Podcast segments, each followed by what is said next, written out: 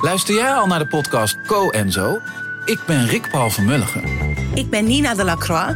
En samen met jouw man René voeden wij twee kinderen op in twee huizen.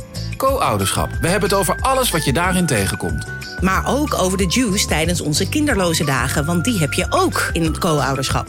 Een podcast voor alle ouders in alle vormen, maar ook voor alle mensen zonder kinderen. Zijn we eerlijk, heerlijk herkenbaar. Dus luister naar Co en Zo in je favoriete podcast-app.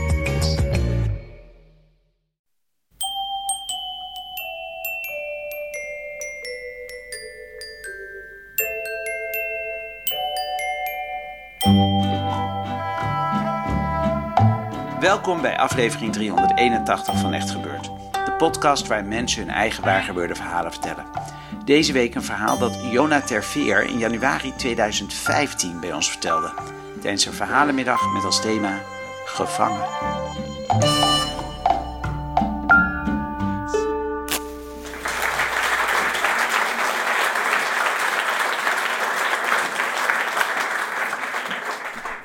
Van mijn ouders heb ik altijd geleerd dat ik mensen die het minder hebben dan ik, of in andere omstandigheden leven dan ik, dat ik die moet helpen.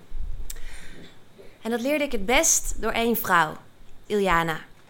En Iljana leerde ik kennen als klein meisje toen mijn ouders een oppas zochten voor mijn broer en mij, omdat ze allebei drukke carrières hadden en er overdag voor ons na school niet konden zijn. En zo kwam Iljana in mijn leven, want Iljana was namelijk, eh, hoorde ik van mijn ouders, gevlucht uit Roemenië illegaal in Nederland terechtgekomen en Iljana zocht werk. En mijn ouders leerden Iljana kennen, hadden een goed gevoel bij haar. En mijn broer en ik eigenlijk ook meteen. Want ook al sprak ze geen woord Nederlands, ze was gewoon een hele toffe, warme vrouw. Met wie we gelijk een klik voelden. Door de, met Iljana op te groeien, ze was er vijf dagen per week overdag voor ons, leerde ik veel. En ik leerde voornamelijk veel over mijn ouders. Want ehm, maar bijvoorbeeld elke vakantie dat Jana dan terugging naar Roemenië, dan werd er vlak voor haar vertrek zo'n envelopje, een wit envelopje over de tafel geschoven. En daar zat dan behoorlijk wat geld in, wat ze aan haar familie kon geven. En ehm, na vijf jaar, weet ik nog, herinner ik me dat Jana bij ons thuis kwam en eh, een stuk taart mee had genomen, want ze had een permanente verblijfsvergunning gekregen. En fluisterde ze mij toe, dat komt mede door jouw ouders. Ik zal ook niet vergeten die keer dat Jana mij heel trots haar eerste eigen koophuis liet zien. En mij weer toefluisterde met tranen in haar ogen dat dit nooit was gelukt zonder de hulp van mijn ouders. Ik was zelf even oud als Iljana destijds, 22, begin 20. Toen ik in Amsterdam studeerde, theaterwetenschap, en een bijbaantje had bij een PR-bureau. En voor dat PR-bureau moest ik dingen kopiëren op die ene dag. En was ik naar de copyshop gegaan op de Spuistraat. Papier was vastgelopen, dus ik buk me om het papier bij te vullen. En op dat moment hoor ik voetstappen achter me en ik kijk achter mij en daar zie ik een man staan. Nou ja, ik kijk niet heel goed, maar in elk geval, hij wil mijn kopieerapparaat innemen, denk ik. Dus ik zeg, no, no, no, this one is taken. En ik ga weer verder met waar ik mee bezig ben. Op het moment dat ik klaar ben en wil afrekenen, zie ik dat er iets ontbreekt mijn portemonnee. En die had ik namelijk heel keurig bovenop het kopieerapparaat gelegd, maar nu was die weg. En de enige die logischerwijs dat had kunnen doen, want die was dicht bij mij in de buurt geweest, was die man geweest. Waarvan ik heel weinig nog wist, behalve twee kenmerken. En dat was dat hij een getinte huidskleur had en een bruin leren jackie aan. Maar goed, ja, die man was natuurlijk nergens meer te bekennen. En uh, ik voelde me nogal lullig. Want ja, het enige wat je dan kan doen is aangifte doen bij de politie. En zo leuk is dat al niet. Maar wat helemaal niet leuk is, is als je student bent en dat al je geld weg is en al je pasjes. En dat je dat weer allemaal moet gaan vervangen terwijl je eigenlijk geen geld hebt. Dus nou, in die gemoedstoestand liep ik het copyshop weer uit, de Spuistraat in. En op dat moment zie ik uit mijn ooghoek een man met een getinte huidskleur en een bruin leren jackie een snackbar binnengaan. Ik denk, het zal toch niet? Ik loop achter hem aan, het trapje op. Ga in de snackbar staan naast hem. En neem hem zo op. En nou ja, het is eigenlijk een hele keurige man. Hij ziet er heel keurig uit en vriendelijk uiterlijk. Maar ik zie ook nog wat anders. En dat is dat er een behoorlijke jaap over zijn wang loopt. Didn't I see you at the coffee shop? Vraag ik. En uh, hij kijkt me terug aan met zijn grote bruine ogen. En hij doet een stap naar achter en hij wijst. En ik loop met hem mee en we staan buiten op de drempel en hij wijst in de richting van de kopieershop. Waardoor ik denk, nou, hij wil gewoon heel aardig mij laten zien waar die kopieershop is.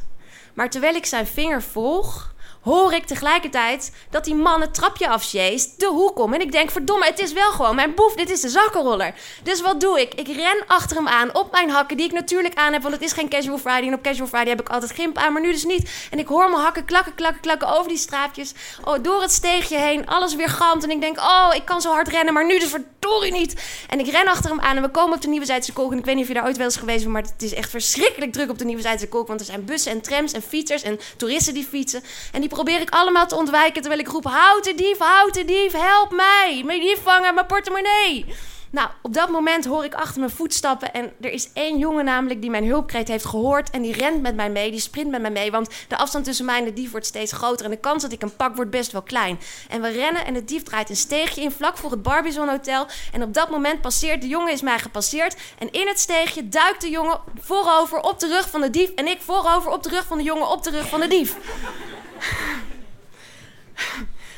nou ja, daar liggen we op de grond met z'n drietjes. En, ehm, en, we staan langzaam op en de jongen die pakt één arm van de dief beet. En ik heel stoer de andere arm. En tussen die dief tussen ons ingeklemd zeg ik... And now I want my money back. En de dief die uh, geeft mij mijn briefje van 50 terug. Maar dat was natuurlijk niet wat ik was verloren, want mijn portemonnee had hij gerold. Ik zeg, I want my wallet. Hij zegt, I'll show you, but no police, no police.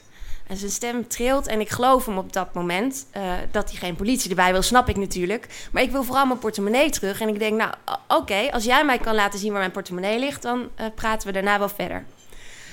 Dus met die dief tussen ons ingeklemd... ik als 20-jarige met die jongen en die man...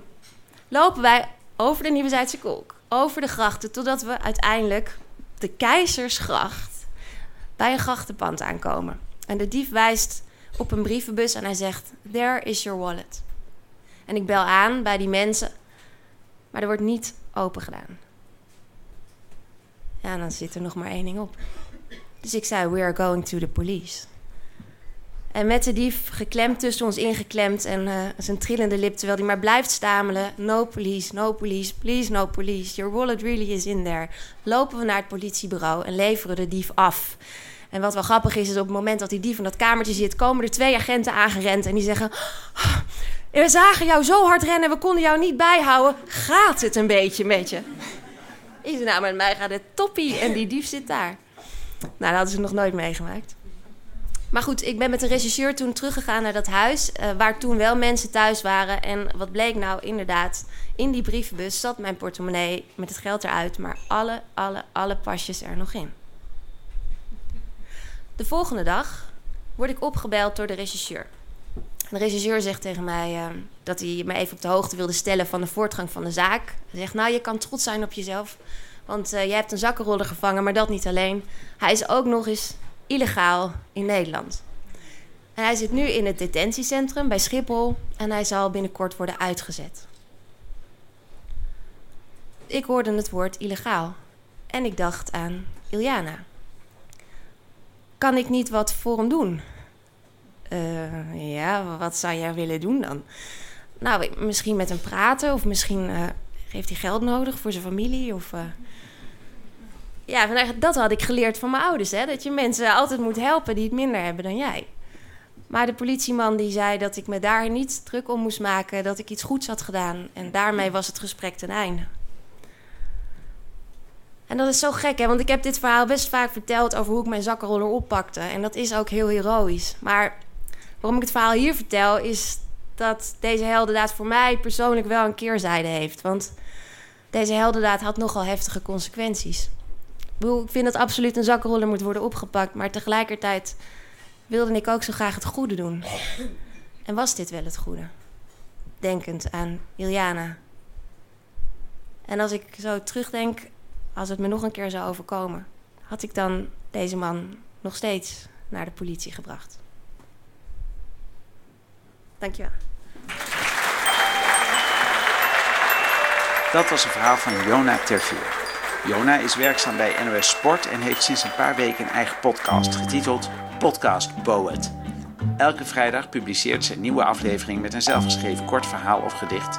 Je kunt de podcast vinden door te zoeken op Podcast Poet Jona. Echt Gebeurd is een maandelijkse verhalenmiddag in Comedy Club Toemler in Amsterdam. Voor onze decembereditie zoeken we nog verhalen rond het thema het gezin. Voor januari zoeken we verhalen over woede. In februari is het thema het huwelijk en in maart het dorp. Heb jij een mooi waargebeurd verhaal dat bij een van die thema's past en durf je dat op ons podium te vertellen? Meld je dan aan via het formulier op onze website www.echtgebeurd.net. De redactie van Echt Gebeurd bestaat uit Paulien Cornelissen, Tom van Rooyen, Renette Kwakkenbos, Bijke Aarts en mijzelf, Micha Wertheim. Productie Hanna Uibingen, zaaltechniek voor deze aflevering Nicolaas Vrijman, podcast Gijsbert van der Wal. Volg ons op Facebook, Instagram of Twitter en geef ons een positieve beoordeling in de podcast-app. Dat doet ons zo goed. Dit was aflevering 381. Bedankt voor het luisteren en vergeet niet, als het geen Casual Friday is, let dan extra goed op je portemonnee, want op klakkende hakken is het lastig rennen.